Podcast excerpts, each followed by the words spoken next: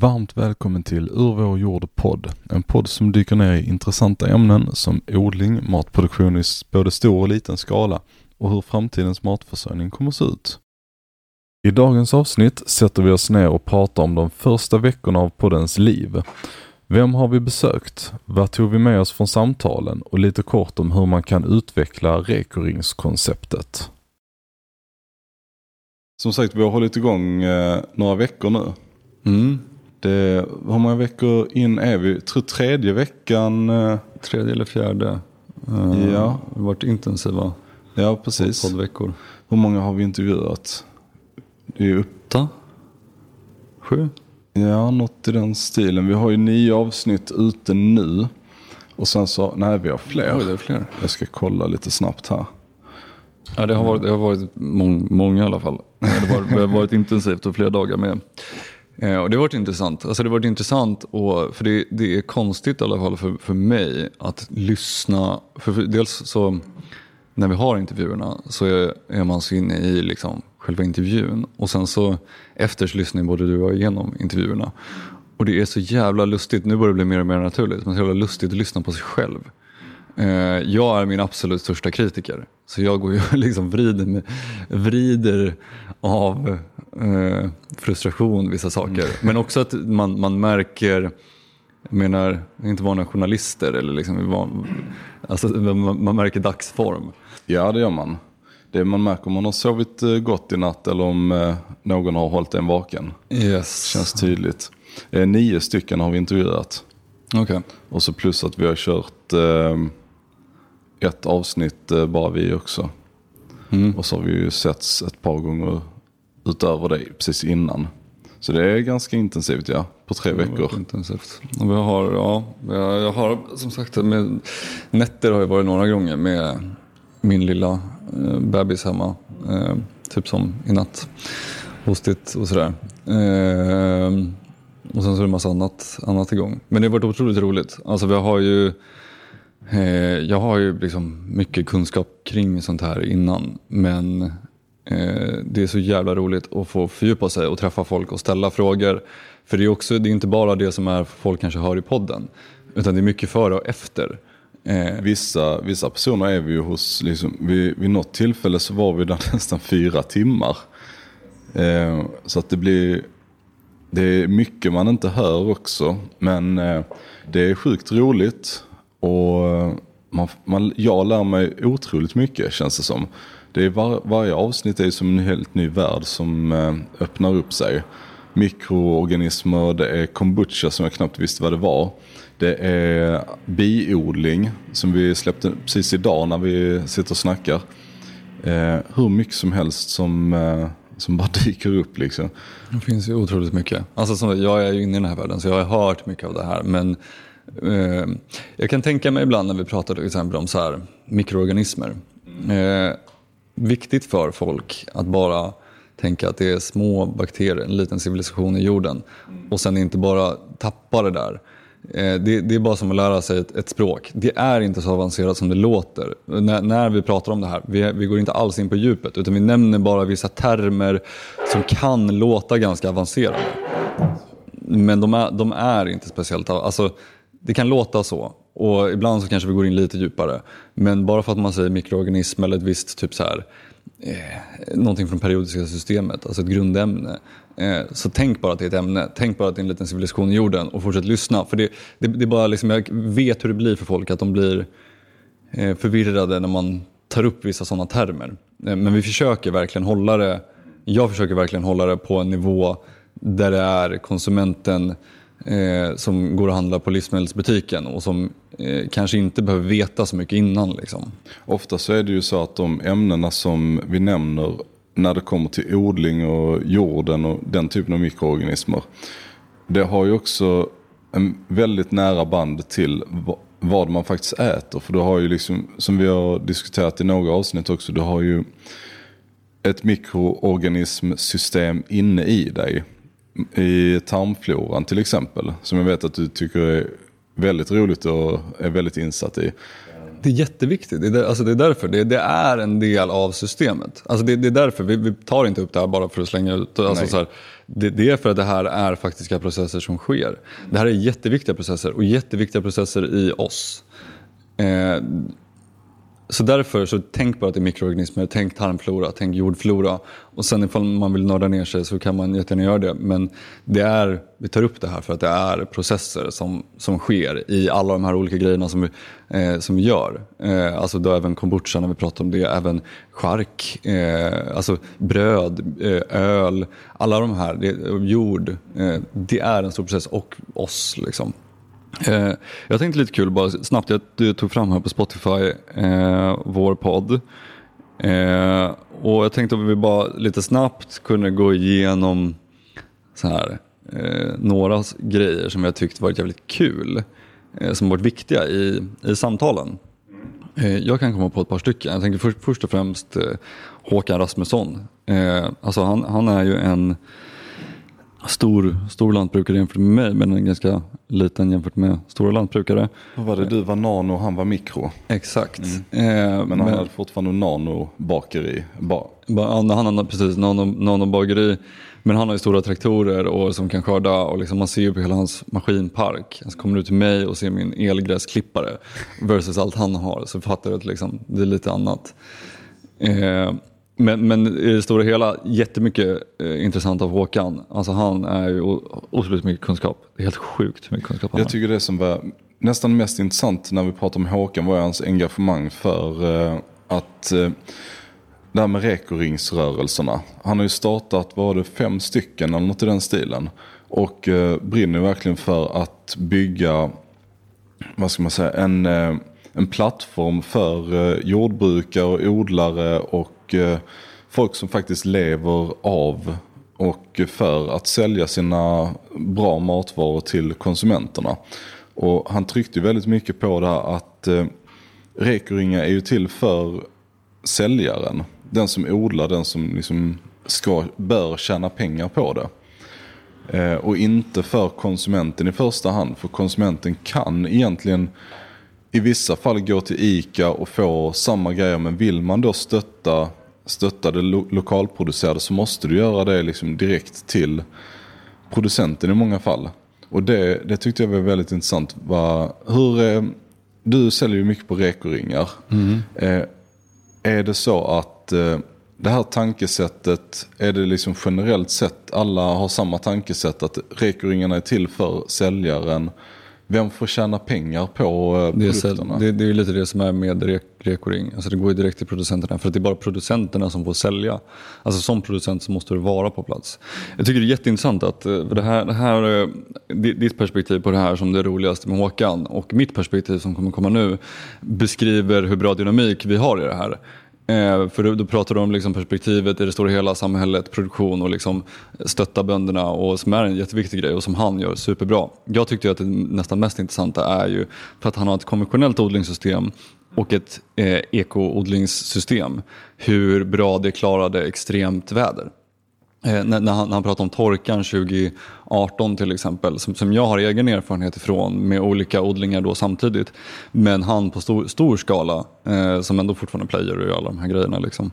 Eh, hur mycket bättre det ekologiska, alltså mer resilient. Eh, du får gärna fylla i svenska ord. Motståndskraftig. Motståndskraftig. Eh, men hur, hur mycket mer motståndskraftig den ytan och den jorden eh, var än den som var konventionellt odlad.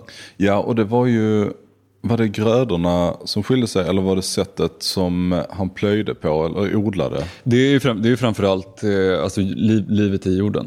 Ja, för att han använde inte Roundup och liknande grejer Nej. då. Utan då, då berodde ju detta, motståndskraften i hans system berodde ju på att han helt enkelt odlade på gammalt vis. Om jag inte förstår det. Det blir precis. Och sen så finns det lite att han har tillsätter organiska. Alltså man får tänka sig att om du, om du odlar på ett konventionellt system, då slänger du i princip olika typer av så här, sulfater och grejer. Det är typ salter, väldigt liten form. Eh, de bränner nummer ett i jorden, som slänger på salt på jorden. De bränner nummer ett i jorden och tar död på ganska mycket bas som de är. Inte nödvändigtvis alla och så vidare. Och det är också helt beroende på hur mycket man tar på. Men har du ett ekologiskt system, då får du bara slänga på organiska saker. Och slänger du på ett löv på jord, så kommer lövet hålla väldigt mycket mer vatten än vad den här lilla super, super lilla saltgrejen kommer göra. Och det, du slänger inte på ett löv utan du slänger på jättemycket organiskt material. Och det håller ju supermycket vätska. Eh, så om det torkas så kommer det en grej. Sen säger vi mikroorganismer en gång till. Eh, för att mikroorganismerna är som små fiskar säger vi, som äter, har både vatten i sig men också har näringsämnen i sig. Så att mikroorganismerna håller fast näringen och vattnet i, på samma plats så att den inte glider igenom hela vägen ner till grundvattnet. Så de, de håller fast den och buffrar den ett litet tag. Eh, det finns jättemycket mer, mer med det där, men det där är nog liksom i stora generella drag. Eh, det tycker jag är jättekul att få höra. Eh, att det, det, faktiskt gjorde en, en skillnad. Och sen träffade vi bladverkstan. Eh, bara otroligt sköna, sköna snubbar. Eh, det är sådana som jag, eh, jag typ hänger med. Eh, tyckte att det där, det, jag tycker att det är kul med att det kommer in lite så annan, en ung energi som vill revolutionera ett matsystem. Liksom. Jag tycker att det är den passionen och den kraften de kommer med. Eh, alltså, Håkan är väldigt passionerad. Men på ett väldigt annat sätt. Och det tyckte jag, för mig som ung jordbrukare då, jag tycker att det är uppfriskande. Eh, de vill liksom så här, vill berätta, de vill göra. De vill så här, handlar man av dem så kan man också få väldigt mycket. Liksom. Ja. Så här. Jo men precis, man märkte ju hur de ansträngde sig alla led för att, för att eh, nå rättfärdiga det de gjorde eller vad man ska säga. De berättade liksom hur de, de cyklade ut och levererade. De säljer på rekoringar. De berättade, stod berättade på ICA och alla de här grejerna. Så de gjorde liksom, då, det, det är som du säger, mycket energi. Det... Mycket energi och mycket kunskap kring liksom en annan del av systemet. Alltså de, de var väldigt, väldigt kunniga på liksom, vad, vad finns i butik. Eh, alltså, alltså ja. produkterna som finns i butiken. Vart får jag tag i de bästa liksom, ekologiska eller hållbara produkterna? Eh, där, där, tycker jag liksom deras kunskap i det är liksom nästan det mest intressanta. Eh, att de har ett väldigt brett kunskap om hållbarhet och båda är så passionerade kring det. Eh, och det, det, där skulle man, jag skulle vilja lyfta dem på något sätt. Alltså, jag är ju liksom jag, jag odlar mycket microgreens själv, så att, eh, lite i alla fall. Så det blir inte att jag handlar från dem. Men jag skulle vilja hjälpa dem just för den här passionsgrejen liksom, på något sätt. Och kunna... Alltså det, det är ju ett å, ganska återkommande tema det här med eh, var man måste sälja sina varor. Och det, Håkan löste det ju på sitt sätt, eller löste löste, men han försökte ju på sitt sätt. Eh, medans eh, bladverkstan hade ju de konstaterar liksom att det, det, är svårt att nå ut med sina produkter om du inte går till de här befintliga stora butikerna, ICA och liknande. Och även där så hamnar du i... Jag tänker också att de har så olika produkter. Håkan kommer in med, med en ingång där han är storskalig lantbrukare och kan sälja saker till typ så här eh, Uh, gud, de, jag kommer på det snart, men eh, som tar, tar emot jättestora liksom, silos med liksom, gryn och så vidare. Liksom. Eh, och sen så har han då kunnat gått, byggt neråt och gjort en grönsaksodling sen och startat rekoringar och har liksom en infrastruktur och liksom folk som kan bo hos honom. Och, men de kommer in med en helt ny produkt. De kommer in med en helt unik ny produkt som marknaden typ många knappt känner till. Eh, många, liksom, det är mycket nytt liksom, kring det som de måste berätta. Som de måste, Precis. Ja, det är en eh, stor svårighet att komma in med ny produkt, speciellt när den är relativt lik någonting som redan finns. Men som kanske inte har samma kvalitet eller samma fördelar och liknande. Och det var ju det med krassen till exempel. Och där, där är det ju, precis, och där är ju bara lik i det, den aspekten. Det är ju bara vad folk tror. Yes. Alltså för det är inte alls likt. Krasse, jag ska aldrig köpa krasse. Det smakar skit. Alltså jag tycker att det är liksom en av de grejerna som är de vidrigaste grejerna jag kan tänka mig. Och, så här, det är fint, men det smakar skit. Ät andra microgreens. ska vi, vad, vad är skillnaden egentligen? För någon som inte vet alls. För att många vet ju inte vad microgreens är för någonting. Vad är det för någonting? Det där är ju precis skillnaden när vi pratar om krasse jämfört med om vi pratar om någon annan microgreen. Det är ju vad är det för sorts bebisgrönsak? Okej, så det är det som är den stora skillnaden. Så krasse är liksom, det är en bebisgrönsak av sin art medan microgreens generellt, Eh, krasse är en microgreen men inte den typen av microgreen som till exempel bladverkstan vill lyfta fram. Nej, precis. Alltså, där, de skulle ju kunna... Alltså, så här, microgreens är babygrönsaker. Microgreens är grönsaker som ofta som, in, som bara har utvecklat hjärtblad. Alltså de första bladen som kommer ut. Inte andra stadiet av blad. Då har de gått lite för långt. Då blir de som bladsallad, liten bladsallad istället. Eh, och där kan du göra vad som helst. Och krasse generellt, jag, jag gillar inte typ krasse. Liksom. Alltså vattenkrasse om någonting för att det typ är ganska milt. Men så här, krassefamiljen, superpepprig, supermycket smak, lite beska liksom. Inte mycket för det. Men typ, jag älskar rädisa. Men jag gillar typ microgreen rädisa och framförallt vissa sorter, typ sango, mer än vad jag gillar nästan vanliga rädisor.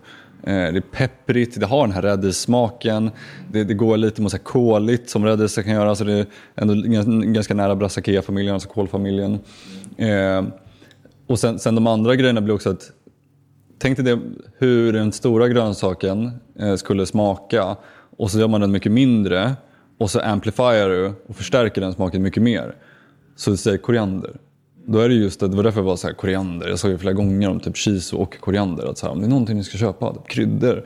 Eh, för det är eh, liksom bara som en liten version av den men bara som är ren och förstärkt i smaken. Mm. Och inte bara i smaken utan även näringsämnen och allting sånt. Så är det. Jag, ja, jag, jag behöver läsa mer om just det där. Alltså, så här, jag, jag, jag vet att jämfört med en stor så får du i dig mycket mer av vissa näringsämnen. Alltså för att de är mycket mer amplifierade.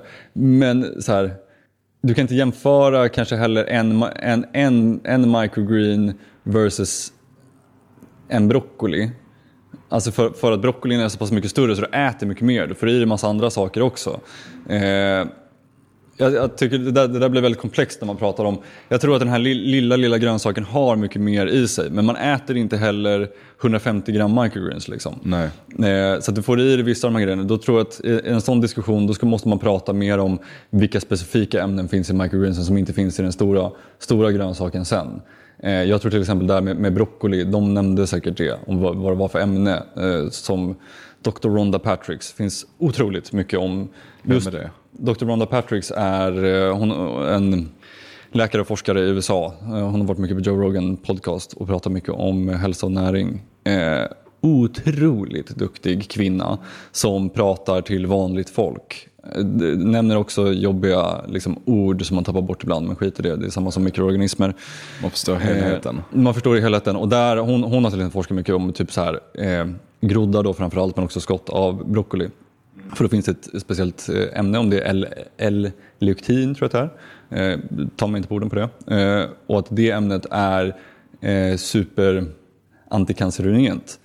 Alltså att det, det, det är väldigt bra att äta det för både cancer men också andra saker i, i kroppen. Och där är broccoli har ju, liksom, det är en trend på grund utav det här. Alltså broccoli, microgreens i USA är the shit. Okej. Folk, folk liksom, alltså, du, om du är en producent och går på farmers market och odlar bro, äh, microgreen broccolis så tar det typ slut liksom, i hela USA. Det är liksom en stor grej. Så det är det, lite grann det som bladverkstan då gissningsvis hoppas på. Att det ska sakta men säkert ta sig över hit eh, till Sverige. Som så många andra saker. Men det tar Det tid. borde, alltså för nu, nu är jag med liksom att världen är så pass mycket mindre och att liksom de här trenderna, informationen sprider sig mycket snabbare. Så att en sån sak om broccoli, ja det, fin, det finns otroligt mycket. Alltså där eh, du sök på eh, typ PubMed eller någonting eh, så hittar man Det var svårt, det är som du säger, det är svårt och man får gå in på eh, väldigt specifika grejer som de, de då innehåller mer av. Men vitaminer innehåller de generellt sett fem gånger mer än eh, slutprodukten enligt Wikipedia. precis per gram då eller? Per gram måste det vara. För det är där det blir lite confusing i så fall. Och det, det, det, där, det där är ju min, mitt argument Alltså jag, jag, jag tycker inte nödvändigtvis att det är en hälsogrej. Eh, Nu måste vi räkna ifall det är per gram, men det är det jag tänker mig att det är. Men då får man tänka sig att man äter inte så mycket microgreens heller. Jag tänker mig framförallt att det är en arom och smakgrej. Och sen på vissa sådana saker att för broccolin då, när, om vi tar broccoli igen, broccoli när den blir stor har inte ens det här ämnet. Det är broccolifröer, broccoligroddar och broccoliskott som har det här ämnet. Som är supernyttigt då. Eh, och kolla det, eh, bro- broccoli, broccoligroddar och broccoliskott. Eh, jag kollar upp mycket på Healthline, eh, hemsidan. Eh, Sanslöst bra hemsida för att lära sig om eh, basic näringsgrejer. Det är som ett eh, eh, trendigt amerikanskt livsmedelsverket. Alltså fin, fin, finns, finns mycket alltså så här, allting är kopplat till studier. Så att ifall du vill nörda och gå in på studier så, så har de också länkat i alla artiklar så är det också studier. Men, men sen så gör de så här top five benefits som jag gillar. Alltså du vet, det är så att du googlar topp, topp, topp, topp och så vet man liksom får lite punkter och det är de jättebra på. Eh, så där allting. Jag går in och jag söker på C-vitamin. Eh, då söker jag på Health Benefits of Vitamin C Healthline. Och det finns alltid, alltså på allt. Det är otroligt bra sida. Healthline. Men de, de kommer jag också, jag vill dra ut dem. De är otroligt sköna snubbar. Jag tror att vi bara behöver, eh, deras engagemang är något som jag eh, jättegärna vill dela med mig av, men få ut. Eh, sen senare den, den veckan, eller det var faktiskt samma, nej det var senare den veckan så pratade vi med Skärhus Mathantverk.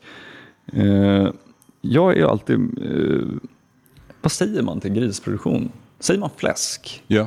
Man säger fläsk. ja. Ja, okej. Jag, blir, jag blir alltid mindfuckad när jag tänker det. För jag tänker att fläsk är ju en, en del av grisen. Liksom. Förstår du? Så, så som man skulle säga så här, nöt. Ja, precis. Men det är väl som mycket annat att det kan vara två saker. Så att du har ju fläskkött, nötkött. Vitt, ja. Men, men, men så här, nöt, det, är ju så här, det finns nötbog. Men det är för att det är nöt och sen att det är en bog. Ja. Okej, men- Fläsk, fläsk. Ja, men fläsk, ja, fläsk, fläsk, fläsk, fläsk från fläsk. Eh, men det var ju sjukt kul. Eh, jag hade lite problem med ljudet. Det var jag som var eh, ljudtekniker den, den dagen. Eh, det är inte min starkaste sida utan det är Gustav som är proffs, proffs på alla de där grejerna. Eh, men vi hade en otroligt intressant eh, diskussion. Alltså väldigt intressant diskussion. För att det här är också en sån jävla relevant grej för alla som går på vanliga livsmedelsbutiken och ska handla fläskkött. Mm. Och då allt fläskkött. Ja, vi kan ju säga först vem Skärhus, vad, vad det är de gör. De, det är ju grisbönder som framförallt fokuserar på, vad det charkuteridelen.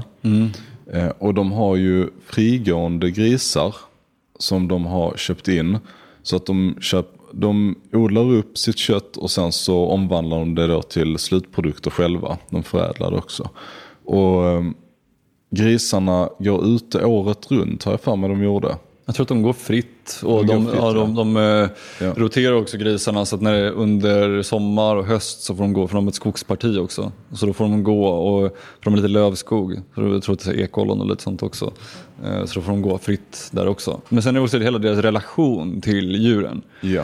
Det, jag satt ju och var avundsjuk på att så här, jag vill jättegärna ha en gris. Alltså jag har på riktigt frågat min sambo flera gånger ifall vi kan skaffa en gris. Eh, får tvärnej varje gång. Du fick ett barn istället. Jag fick, ett barn istället. Det, det, det är också jätteroligt men det är inte samma sak. Jag har alltid velat haft en Det är gris. inte som en gris. Eh, alltid älskat grisar. De, är, de känns som hundar. Tittar man dem i ögonen så ser man att de är med. Men grisar är också jävligt goda.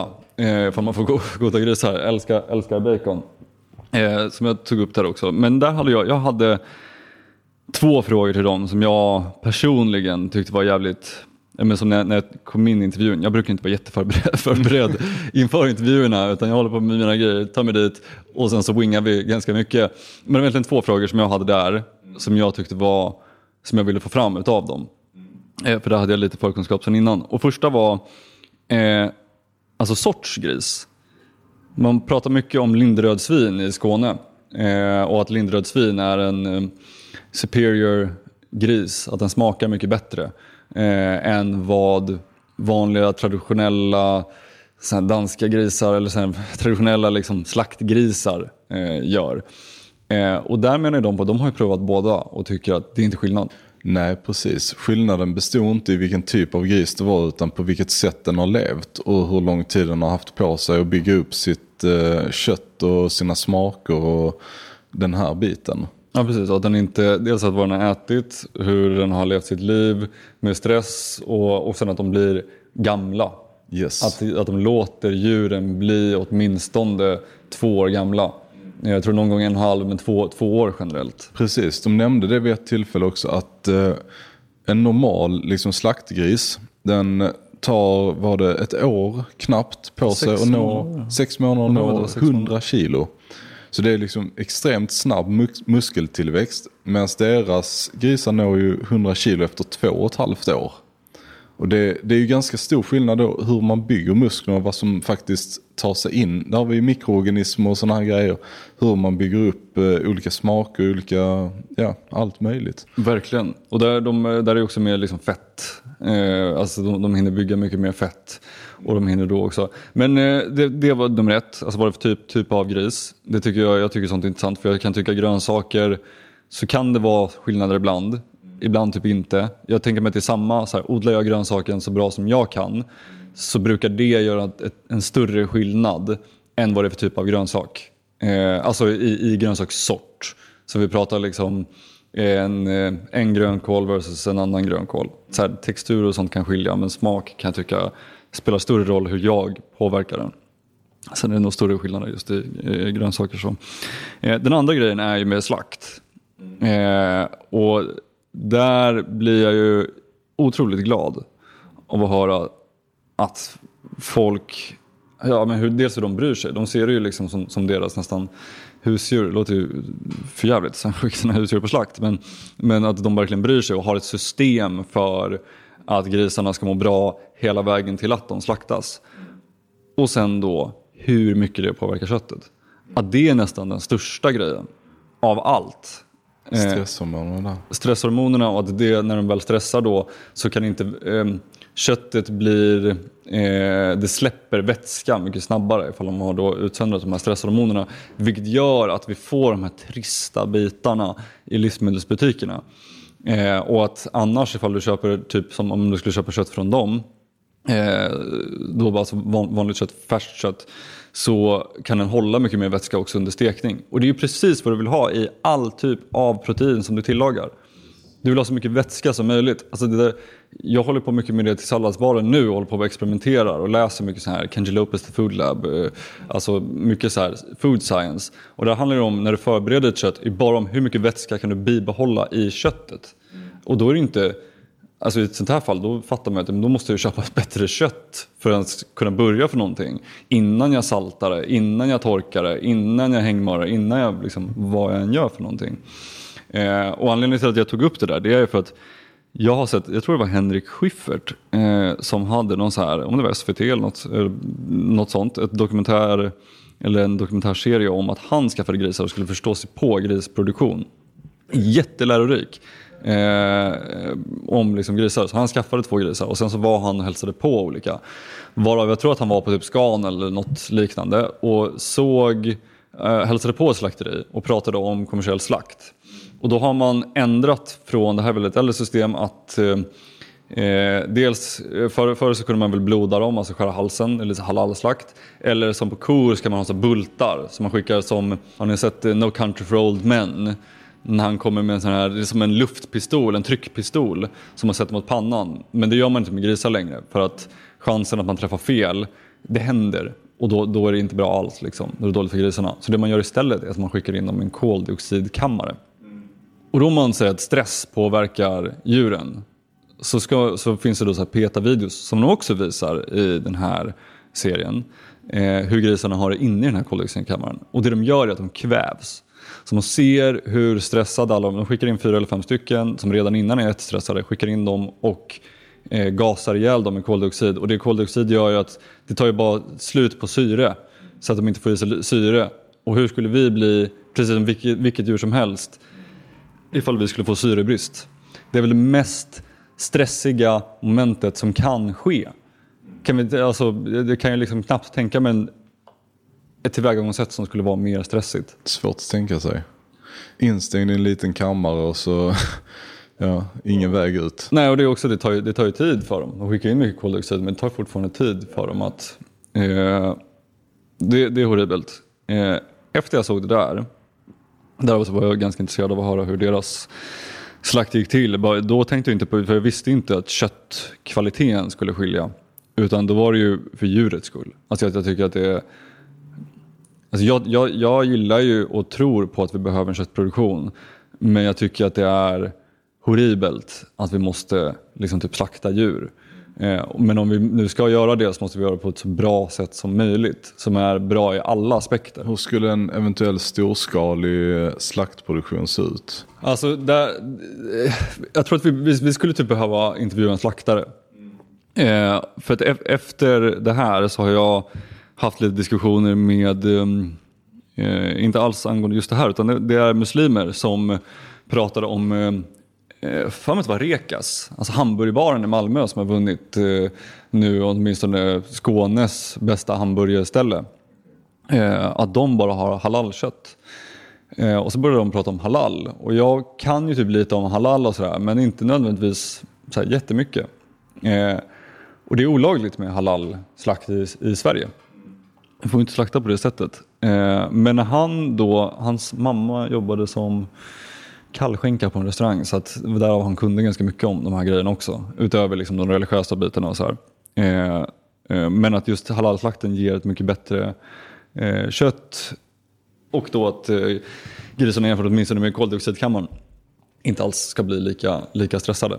Eh, mer specifikt så måste vi ju liksom vågar inte säga så mycket mer. Alltså, jag känner där, där skulle jag vilja typ prata med en slaktare eh, och det kanske att vi skulle försöka hitta en halal slaktare. Kanske då det rekas. Ja men fan vi kanske ska, vi kanske ska, ja de är upptagna nu. Men det är något ställe som tar in halal. Alltså typ Rekas är ju egentligen Rekas och det fick jag också höra av den här snubben samtidigt. Eh, han var svinkunnig om kött och framförallt halal. Eh, det är att Rekas är egentligen ett slakteri. Och de har ett slakteri som då bara har halal, halalkött. Och sen så blev det då att de öppnade på baksidan av slakteriet eh, så öppnade de en, ett hamburgerställe. Eh, så att man, om man skulle ta sig till ett sånt ställe, det kanske inte behöver vara han som är chef, men någon som är duktig där. Och då få informationen om halal och slakt och skillnader. För de vet ju, om de kan halal så vet de garanterat skillnaden på alltså så här, vad, som, vad som händer där inte är halal. För det, för det, det är egentligen det, med det sista med skärhus som jag eh, vill nämna. Det är dels, eh, tycker man om grisar så har ju de, de håller på att bygga en plats.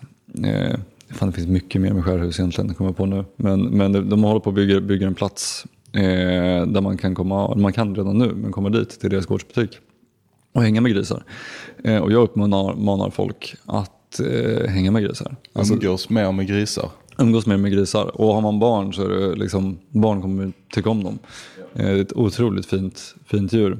Eh, det andra är Alltså de, de producerar en, ett charkuteri. Eh, jag har, inte, jag har inte provat den själv än, så jag ska inte säga för mycket. Men att de producerar charkuteri och de verkar vara ganska kunniga och varit nere i Italien och har uppskattat chark och sånt själva. Men, men som ska vara i liksom väldigt hög klass. Men sen idag så släpper vi ju med Johan, Johan Iselsson. Biodlare. Biodlare Johan Iselsson. Vad är det? Bikonnässör. Eller honungskonnässör. Honungskonnässör. Så var det eh, Och det eh, är ett otroligt lärorikt avsnitt. Verkligen. Jag lyssnade på det igår kväll. Eh, som sagt, när jag sitter och gör de här intervjuerna ibland så jag vet knappt vad vi säger. Alltså, det, men det, det, det, det är så mycket information och jag blir taggad och liksom, jag är inne i, inne i det på ett sätt så att efteråt så kan jag inte liksom, tänka på allting. Men så var jag ute med hunden igår och lyssnade på det här.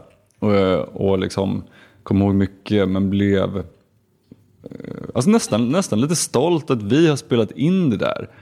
Alltså för att det är, och objektivt, så är det otroligt lärorikt. Det finns, alltså vill du lära dig om basics med bin, och det är lite mer än basics också. I många fall var det ganska...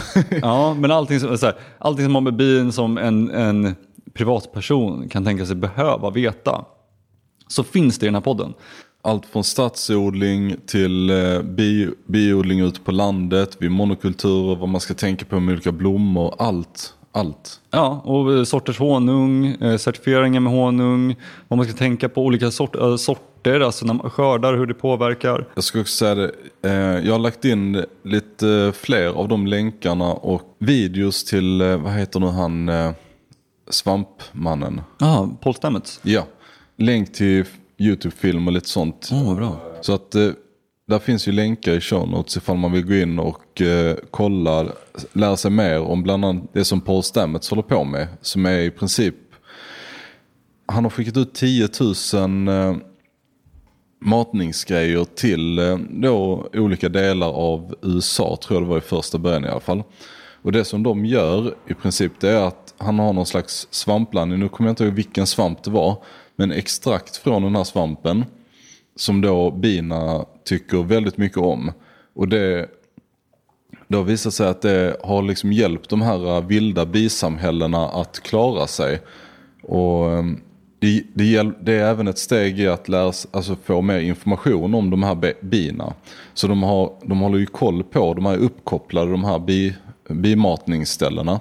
Så att de får liksom koll på, får ett nätverk och får reda på var bina finns, vad de äter, hur många de är och allting sånt här. Så det är ett väldigt, väldigt ambitiöst projekt som eh, är man intresserad av hantering eller kanske gör det själv så kan det vara värt att gå in och kolla vad det är han håller på med. Dels det, men sen också, alltså, jag hade ju en total brain fog när vi pratade om det där. Men alltså Paul Stamets gör otroligt mycket intressanta grejer. Bara lys lyssna på en intervju om honom och liksom hans förhållning till liksom mycelium och fungi det, det, han, han är så, så otroligt cool. Eh, och viktig i att han hittar sådana.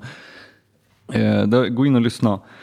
Eh, vi kan prata hur mycket som helst om, om det här. Men som sagt, väldigt eh, grundläggande och bra information. Bra gjort Johan eh, att berätta det här på det sättet. Eh, och där blir jag eh, jag blir, jag, blir, jag blir nästan lite stolt att vi, vi, vi ändå producerar något sånt. Eh, alltså i, kanske inte nödvändigtvis min, min prestation i Brainfog, jag glömde bort mycket grejer liksom, men tycker att Johan var superduktig och fick fram precis det som är tanken att vi vill, vill få fram i våra intervjuer.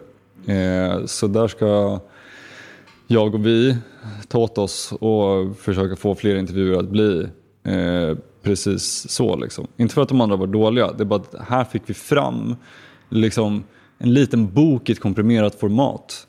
Eh, det, det, är bara typ som Eh, alltså ett utkast eh, till, till, till en bibok. Liksom. Eh, in och lyssna, lär er. Eh, det, det, det, är ganska, det, våra avsnitt är ganska långa. Liksom, men... men en av de sakerna som är värd att ta med sig från det avsnittet tycker jag, som man kan nämna lite snabbt. Det är hur fruktansvärt stor skillnad det är på olika sorters honung. Det, vi fick ju smaka ett par olika varianter här efteråt och eh, det var en enormt stor skillnad. Jag kan säga att min favorit var ju den eh, från blommorna som växer runt Torup. Den som man sitter med fram, framför här för lite ris i halsen. Precis, precis. Så nej, det, den var väldigt speciell. Det är ju... Det är jätte, jättestor skillnad. Ja, nu har vi tre, tre stycken. Eh, jag kommer ju ta in, jag, jag tyckte om den, eh, han hade en som var framförallt från typ raps. Eh, som var väldigt tydlig raps, jättetidig. Och den smak. jag, kunde, liksom, jag, jag kände igen smaken, kunde typ inte sätta den för att det var honung. Men jag insåg ju sen att det var liksom brassakea, alltså kolfamiljen. Eh, det, det, har liksom så asiatiska grönsaker, raps har en speciell smak som rå. Eh, rapsblommor eh, och väldigt tydligt det. Eh, så att den, den kommer jag nog använda till vinägretter. Eh, att man bara kör då lite olivolja, eh, salt och eh, citron till en sån och så kommer den då få den här lätta eh, koliga tonen. Och jag tror att det kommer bli mycket bättre än med en eh, annan honung. I, så som jag tänker mig att det ska vara. Liksom. Jag hittade faktiskt en, eh, eh vad heter det? en väldigt kort sammanställning med bara små fakta om bin. Den enda matvaran som inkluderar alla nöd- ämnen som är nödvändiga för att eh, eh, sustain life. Mm, jag har hört det. Jag har förstått att också att eh, alltså det är eh, därav till exempel så björnar, björnar alltså Nalle Puh, eh, är så betuttade i i honung. Eh, alltså de, de, de äter ju liksom allt möjligt. Bär och gräs och kött och allt, allt, allt. Men att när det kommer till honung så blir de liksom extra. Och det är klart att det är säkert för att det är sött och socker. Men att det också för att det tydligen då är en energikälla som är väldigt, väldigt bra. Det kom, borde ju komplettera alla deras andra eh, vad ska man säga, matintag väldigt väl. Så har de bara tillgång till en viss annan föda så saknar de kanske många andra ämnen och då, det är kanske där honungen då kommer in som en... eh, Kanske. Det, det, det, det skulle vi be- för där tror jag inte nödvändigtvis att om man skulle säga mikronäringsämnen, att honung skulle vara den som är bäst där. Utan jag tror att hon- honung säger så här, eh, du är fast på en öde ö, du får bara ta med dig en matvara. Vad skulle det vara? Att typ honung då skulle vara det som skulle vara bäst och faktiskt överleva på länge, typ. Alltså för att det skulle ha allting, om du bara skulle äta en sak. Eh, men om man skulle se till optimerat mikronäring, alltså till exempel där, ja, men då skulle jag eh, 99,9% säker att det är någon form av alg, alltså någonting från havet som kommer, kommer ha det bredaste spektrat av näringsämnen. Men har du då alla ämnena för att upprätthålla liv? För det är ju det som är... eh, Nej, för Påståendet. där, där, där pratar vi energi. Ja, exakt. Alltså, och där är det ju inte, alltså i, i en alg, så här, visst om du äter en mycket alger, men det, det är inte jättemycket kalorier, alltså faktiska energialger. Nej, Utan precis. algen är ju bra för att den har alla spår, eh, alltså spår eh, näringsämnen. Alltså alla små näringsämnen som är liksom alla 90, vi behöver 70 eller vad det är för någonting. Alltså man säger att man behöver 18 men egentligen 70 och det finns typ 90. Eh, där, eh, men där är det ju inte att du får inte energi. Så det, det, det är som ett kosttillskott. Du måste ju alltid få i dig liksom, energi nummer ett. Eh, och där har ju honung uppenbart eh, alltså ganska mycket energi. Där skulle vi kunna se typ eh, kalorier per 100 gram och se, det borde väl kanske till och med stå på den här burken som jag har framför mig. Eh, det gör det. Så här har då 100 gram honung har 320 kalorier. Eh, vilket är väldigt kaloritätt. Eh, väldigt, väldigt kaloritätt. Det är eh, mer än en Snickers. Eh, som jag vet har 245. Det är inte illa. Det är inte illa. Och så får du i dig allt du behöver för att överleva. Ja, så ha alltid mer än ett par burkar hemma ifall det skulle bli apokalyps. Det står, det står ju även här att honung blir aldrig gammalt heller. Så det, är, det måste ju vara den ultimata stapelvaran. Så är det. Det är ju att eh, det, blir, det kan väl som han sa, det kan jäsa. Precis. Eh, Men då kan du använda det i mat. Alltså då måste du få bort jästbakterierna eh, och tillreda det på något sätt. Eh, Och det kan kristalliseras. Men då är det snarare kanske kvalitet eh, än faktiskt liksom näringsintag. För en, en rolig grej som vi pratade med när vi började prata om sorthonung eh, som jag pratade med Johan efter själva podcastavsnittet. Det är att jag under ett par år har gått och tänkt på bin. Eh, men då är det att man ska Precis som han menar på att så här, rapshonung, eh, lindehonung, det är lite beroende på vad som blommar. Men att man skulle kontrollera det själv. Att man skulle så saker som skulle ge en specifik smak. Och det här har kommit från att jag har odlat wasabi rucola. Eh, förmodligen ingen av er som lyssnar som har ätit det här. Utan det, det är en rucola som är, den smakar wasabi. Eh, den är liksom superpepprig. Men blommorna Alltså den, den är pepprig som pepparrot i, i bladen men blommorna är faktiskt wasabi. Alltså det fruktiga wasabi har, färsk wasabi. Eh, det är inte heller jättevanligt liksom, att man har ätit det. Men det har liksom en fruktig ton förutom den här pepparrotstonen eh, som är väldigt, väldigt uppfriskande. Eh, och det är en sån grej som jag, typ, jag skulle vilja prova kring bin för de älskar, alltså jag har, när den blommar eh, så är det Alltså fullt med bin. Det, det är en av de grejerna som drar sig absolut mest. Sen är den på sensommar så det kanske är att, att det inte finns lika mycket liksom, matkällor och så här. Eh, men att göra liksom en wasabi-honung. Det hade varit något. Samma kryddighet som... Eh, Ja, det wasabi har. Och det, ja. Och sen får den en, liksom den här blom, blommigheten som är, blommig fruktigheten som är... Då kommer du även få den här lite mörkare varianten då. Sensommarvarianten. Mm. Lite eh, djupare smaker och eh, med kryddighet. Det kan bli ganska spännande. Mm. Ja, det är kul att bara experimentera. Eh, jag gillar att göra små projekt själv också. Som som sagt, bara med en duktig bilår som honom så skulle man säkert kunna hitta något nytt, nytt sätt. Men i det stora hela så har det varit svinroligt. Jag är tacksam att vi har startat det här. Det har att- varit skitkul. Alltså jätte. Och jag, jag har, alltså dels också nu för att vi liksom håller på att starta, håller på att renovera och fixa butik för att starta eh, salladsbar. Ett sätt för mig med mina grönsaker att nå närmare till, till folk eh, på ett lättare sätt än att bara sälja liksom, råa grönsaker och berätta hur de ska tillagas. Så kan jag göra det själv och visa kanske hur man gör efter säsong. Och där också blir det att jag måste prata med, med typ som Johan. Han kom ju hit på ett, ett eh, tanken var först egentligen inte att han skulle vara med på podcasten, utan det var ett säljmöte. Eh, och det är ungefär, nu drar vi ut på det mer, men många av de här frågorna ställer jag under liksom, sådana samtal. Eh, men när det blir en podd så blir det att, då blir det den som vi intervjuar, mm. till skillnad från ett sälj, säljmöte, om jag ska ta in produkter i butiken. Liksom. Eh, så blir det att de går in i ett mode där de verkligen tänker att de är i en podd. Och då får man fram information och jag får informationen eh, ännu bättre. Eh, och inte nog med att jag då med Johans honung då som vi kommer ha i butiken, sitter jag här med Torups honungen och har ett par på hyllan. Att vi dels kan hänvisa till, ja men lyssna på podden med Johan så får du lära dig om hans honung liksom. Men också att jag har haft en säljare som har kommit och lärt, lärt mig grunderna i produkterna.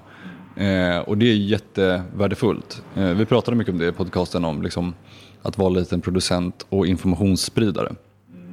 Eh, vilket värde det finns ur ett större perspektiv, alltså ett samhällsperspektiv av att vara kunskapsspridare. Eh, och att vi gör det på lite olika sätt. Och bästa sättet är ju att vi får tag i de här experterna som är producenterna som delar med sig av den kunskapen som de kan och har lärt sig och hur det faktiskt fungerar. Och sen att det sen går liksom i en word of mouth-grej, liksom, att folk berättar för varandra sen. Liksom, Precis. Det är ju alltid det svåraste. för folk, alltså, folk som är extremt kunniga om saker, de har oftast inte kanaler eller förmåga att eh, det, alltså, vidarebefordra den informationen. Utan det blir ju, man hamnar lite grann i sin bubbla, man pratar med folk som kan samma saker och eh, när man informerar så informerar man folk som redan är informerade.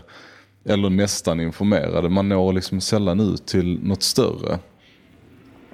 Och det är där, eh, Rekoringarna är ju en sån plattform där du kan nå ut med en massa olika produkter, en massa olika specialiteter till folk som, ja direkt till konsumenten då. Det är ju det. Alltså Rekoringarna är jättebra. Jag är ju, eh, jag har ju varit med och startat Rekoring Malmö och har älskat Rekoring. Jag tycker ju inte jag tror att Rekoring måste utvecklas och bli ännu bättre. Yes. Det finns ju väldigt, väldigt få andra ställen än Rekoring. Rekoringarna finns ju i det här lilla formatet där du har i princip, alltså det är stadsdel. Eh, och sen så har du producenten då som åker till ett par, tre olika Rekoringar. Men du når aldrig något längre än så du har ju väldigt många producenter som bor, alltså de åker en bit. Vi pratade ju med flera stycken som var inne här för att sälja på Rekring och de hade ju en bra bit att åka liksom. Och ändå så, trots att de tar sig den här sträckan så får de inte ut informationen samma sträcka. Så att det blir liksom, det blir fel på något sätt. Man måste ha något större sammanhang där du får ut information istället. Jag tror också det. Det här kommer vara, när jag har betat av några av mina projekt så är det här en grej som jag också har gått och tänkt på jättelänge. Och så bort alltså, från Facebook. Bort från Facebook. Ja, ingen eh, Facebook. men jag tycker Facebook är bra i formen av att man liksom så här, lätt att skapa evenemang. Folk har Facebook. Alltså det är typ så jag använder det. Någon, någon av mina kompisar gör 30-årsfest och så lägger de ut på Facebook och så ser jag när den är och du vet, kan kommentera och så här. Så så tycker jag att det är jättebra. Eh, jag, jag, jag ser, alltså så här, Rekoring otroligt för att det tillhandahåller en plattform för små producenter. Eh, och jättebra på många sätt och vis. Jag bara tror att saker alltid, så här, jag har mycket det, saker kan bli, alltid bli bättre. Jag tror att man hela tiden måste förbättra. Och det har stått lite stagnant för att det är liksom en struktur med REKO, hur den är och hur den ska vara. Eh, och jag, jag, tror att vi, vi måste bygga mer på, alltså Eh, för att få den här förståelsen och för att folk ska stanna och lära sig och för att informationen ska spridas så måste vi också skapa en plats som folk vill stanna och lära sig på och liksom, kanske till och med prata med någon annan som varit och handlat. Eh, och då måste man skapa en plats så det kanske börjar att någon eh, står och serverar kaffe också. Någon eh, spelar lite musik, någon har en presentation. Och där gillar jag liksom marknadsgrejen. Jag, jag tror ju att det egentligen är ett bättre sätt för, för så som jag ser det ur ett större perspektiv. Det, marknaden är inte nödvändigtvis bättre för producenter än vad Ekoring är.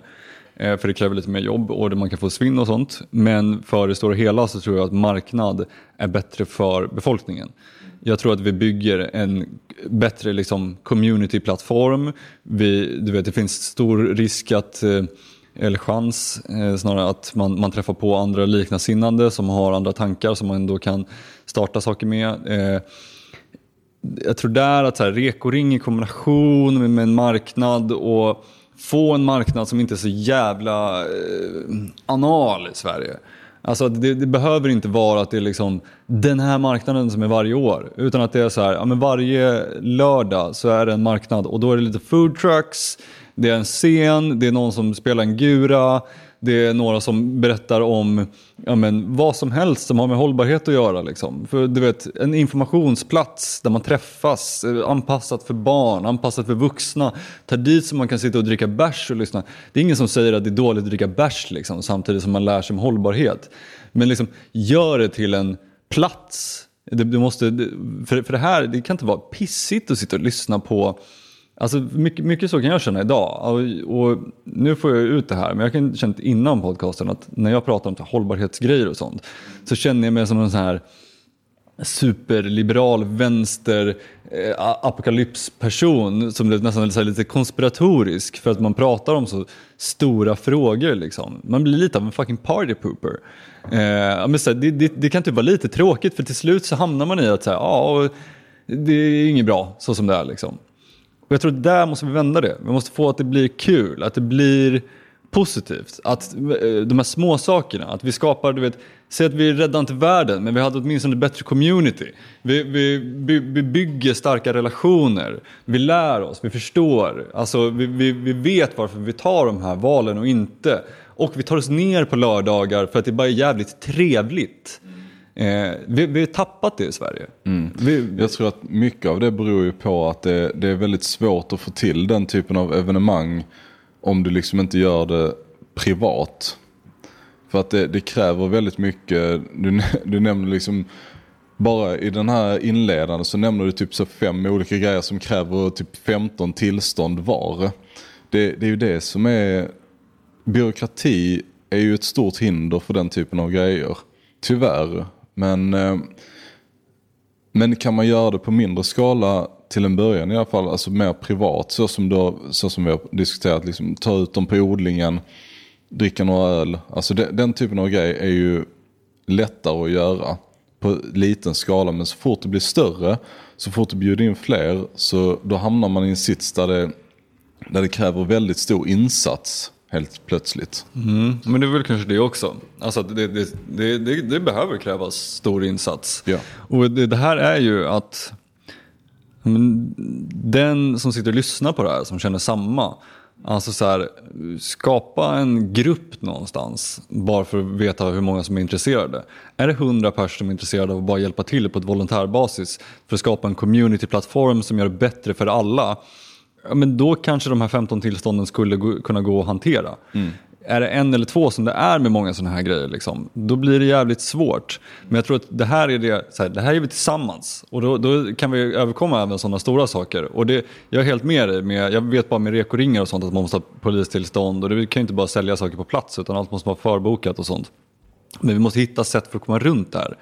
Alltså, nu ser byråkratin och regelverket ut som det gör. Men nu skiter Skit vi i det. det helt och hållet. Nej, men, nej men, alltså man får anpassa sig. Det, men det går att komma runt det här. Precis som vi säger. Alltså, så här, det gjorde man ju på det glada 60-talet. Ja, det gjorde man. Och så skapade man egna små communities. Liksom, som, men det, det, det, går att komma runt det. Det är som vi säger. Alltså, så här, ja, så att jag skulle sätta upp en marknad. Det är bara att jag har inte tid att göra det här själv. Liksom. Men säg att jag skulle sätta upp en marknad ute på odlingen. Jag har massvis med plats. Det finns massvis med plats. Som skulle vara en privat grej istället. Det är möjligt. Mm. Alltså så här, det går att göra, det är bara att det måste finnas en grupp människor och helst alldeles för många. Alltså helst alldeles för många som kan, du vet, hjälpa till med det minsta lilla. Det är sopor som ska slängas. Det är en skylt som ska skrivas och det är någon som är duktig på att skriva snyggt. Alltså alla små, små, små grejer, då kan man göra det här tillsammans och liksom bygga det här. Och det här kommer att hända. Jag kommer att göra något sånt här förr eller senare. För jag tror att det här är jätteviktigt. Jag tror att vi, vi, vi har tappat det och det är ju till stor del livsmedelsbutikerna som gör att det blir väldigt bekvämt för oss för att vi då kan få tag i alla råvaror. Så vi har inte det som standard i vår kultur att man skulle gå till typ en farmers market som det är i USA. Mm. Men det här behöver förändras. Jag tror att det här är en sak som skulle göra stor förändring ganska snabbt på många plan. Alltså på jättemånga plan. Eh, och då är det ju liksom som vi pratar om med allt annat. Jaha, men fan ska jag dra i det här? Jag menar på att det skulle kunna vara små, alltså små bara privatpersoner som är intresserade. Eller så får man hitta någon jävel med massa pengar. Mm. Så här, är det någon som lyssnar på det här som har en jävla massa pengar som tycker att det låter som ett bra initiativ. Så släng in ett par hundringar så eh, liksom, då, då, löser vi det här. Det, sådana här saker är svåra men de går att lösa om man bara gör det, gör det tillsammans. Mm. Tänkte på det också att eh, i samtalet med Håkan så diskuterade vi ju detta ganska utförligt.